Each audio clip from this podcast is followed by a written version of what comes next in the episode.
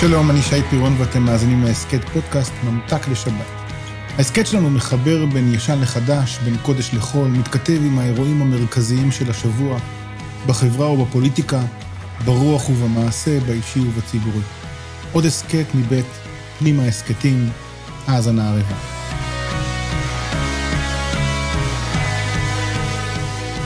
רבותיי, ההיסטוריה חוזרת. וגם התנ"ך יוצר לא פעם סיפורים דומים, כמעט שחזור של אירוע שכבר אירע. לפעמים מגיע זמן תיקון, לפעמים שבר וחורבן.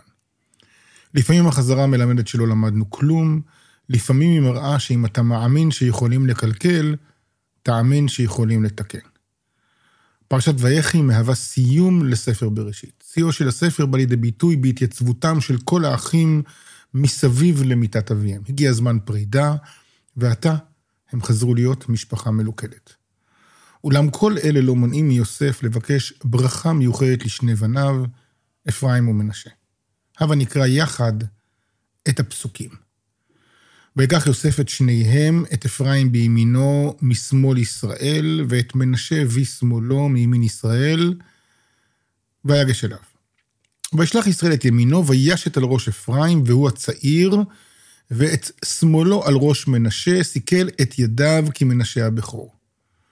ואז הוא מברך אותם בברכה שהפכה לשגורה בפי כל, המלאך הגואל אותי מכל רע, יברך את הנערים, ויקרא בהם שמי ושם אבותיי, אברהם ויצחק, וידגו לרוב בקרב הארץ.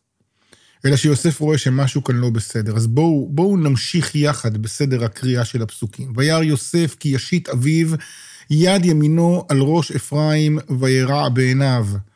ויתמוך יד אביו להסיר אותה מעל ראש אפרים על ראש מנשה.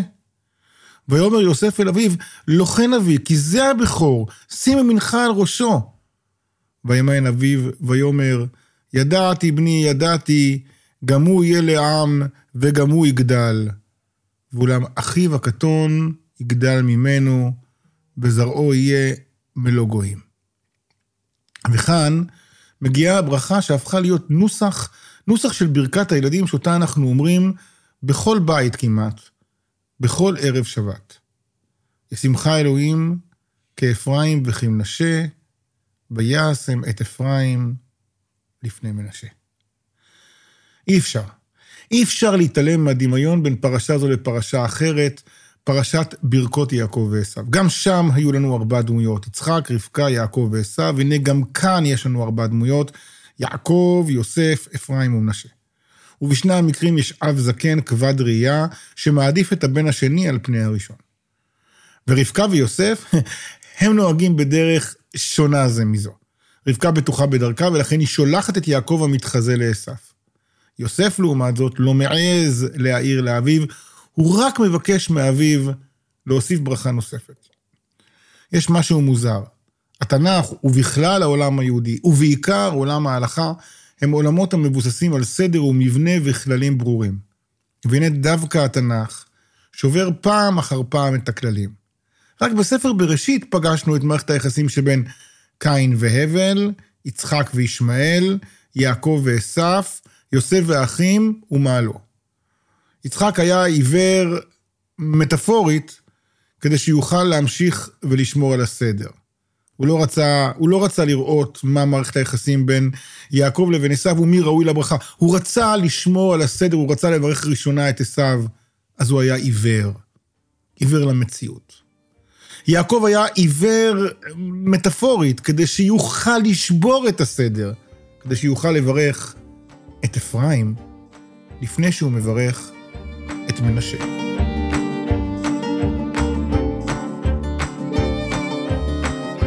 אז יעקב למד את הלקח, הוא לא מהסס לערער אל הסדר. יוסף, טוב, אתם מבינים, הוא לא יכול לעצור אותו מפני שאתם זוכרים, כל סיפור חייו מבוסס על זה שיעקב שינה את הסדר. מצד שני, הוא יודע מה מחיר הקנאה. ייתכן והוא לא דואג רק לברכה או לסדר שבין שני האחים, הוא פשוט חושש ממה שיקרה בין מנשה לאפרים במעלה הדרך. לכן הוא מבקש ברכה גם למנשה. אבל, אבל לא נוכל להתעלם מהדרך שבה יעקב מבקש להחליף בין מנשה לאפרים. שימו לב לפסוקים, נקרא אותם שנית. וישלח ישראל את ימינו, וישת על ראש אפרים והוא הצעיר, ועת שמאלו על ראש מנשה, שיקל את ידיו כי מנשה הבכור. אז, אז יש לי שאלה פשוטה. מדוע הוא פשוט לא ביקש שיחליפו צד? מדוע צריך לסכל את הידיים? כנראה שאפרים לא הפך לבכור גמור. בספר במדבר ובספר יהושע נזכר מנשה לפני אפרים, כמו הסדר בלידה. אז יעקב מערער אפילו את אי הסדר שבאי הסדר. אומר לנו שזה לא או-או. לפעמים אתה יכול להיות בכור, אבל במצבים מסוימים, אחיך הקטן קודם לך. יש בכורה רשמית, משפטית, ויש גם סוג של בכורה שנובעת ממצוינות אישית, מייחודיות והסתיינות שאין להתעלם ממנה, או מצורך של המקום והזמן. יעקב לא מקדם את הסדר, גם מפני שברכה דורשת הזדהות פנימית. אדם צריך להאמין במה שהוא אומר. ברכה היא לא רק מן השפה ולחוץ, ויעקב לא יכול לברך את, אה, את מנשה לפני אפרים, כי הוא פשוט לא מאמין בזה. יש אנשים שסבורים שיהודי טוב זה מי שעושה את מה שהסדר מחייב. ואילו יעקב מלמד שיהודי הוא מי ששואל ותוהה ומערער ומהרהר. יהודי טוב צריך לפעמים להיות מהפכן. לא לעשות רק מפני שצריך, כי זה הסדר, כי כך נכון. הסדר חשוב, אבל יש רגעים שחובה לעקוף אותו.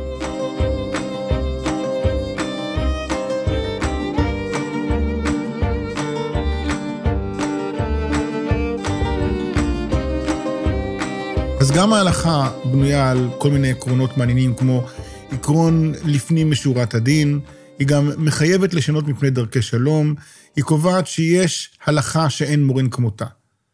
חכמי ההלכה עיגנו את התנהגותו של יוסף והניחו לנו פרצה לחשוב מתי נכון להפר את הסדר ולערער על מה שצייפו לנו. ואנו מקדשים את הסדר. המציאות קוראת לנו פעם אחר פעם לבחון בזהירות אם לא הגיעה העת לשינוי כללים, ואנחנו מסרבים. בסוגיות רבות אפשר לשנות את הסדר ולו כדי לשמור על כבוד אדם, על מוסר פנימי, על שלמות האומה, על מה שנראה בעיניי ככוונתו הבסיסית של נותן התורה. הנה כמה דוגמאות בסוגיות של כפיית גט ומניעת עגינות.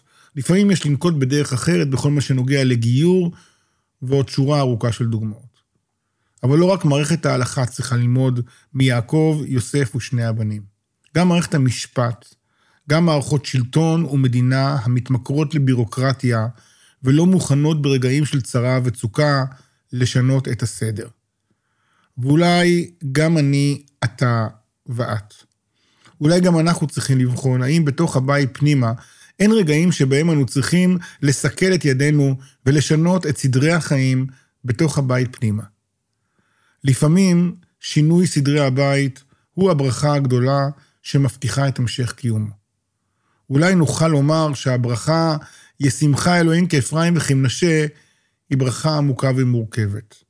הלוואי שנצליח לבנות בית, שגם אם לפעמים נשבור בו את הכללים, גם אם נשנה את הסדר, גם אם נלך בדרך שונה מהמקובל, נשמור בינינו ובתוכנו על מערכת יחסים אוהבת, כפי שאירע בין אפרים למנשה. שהרי אפרים ומנשה הם האחים הראשונים בספר בראשית שלא רבו. תם ולא נשלם, איך תעמוד פרק בעולם, אני אמצא לי אור קטן, אני אמצא תקווה קטנה באפלה. תודה שהאזנתם לעוד פרק של ממתק לשבת מבית פנימה. תודה לחברי המערכת אורי עפרוני וליאור טל שדה. תודה לדין כץ ריטוב על הביצוע הטכני, לאילי בוטנר וילדי החוץ על הרשות להשתמש בשיר הנפלא. תם ולא נשלם. שבת שלום.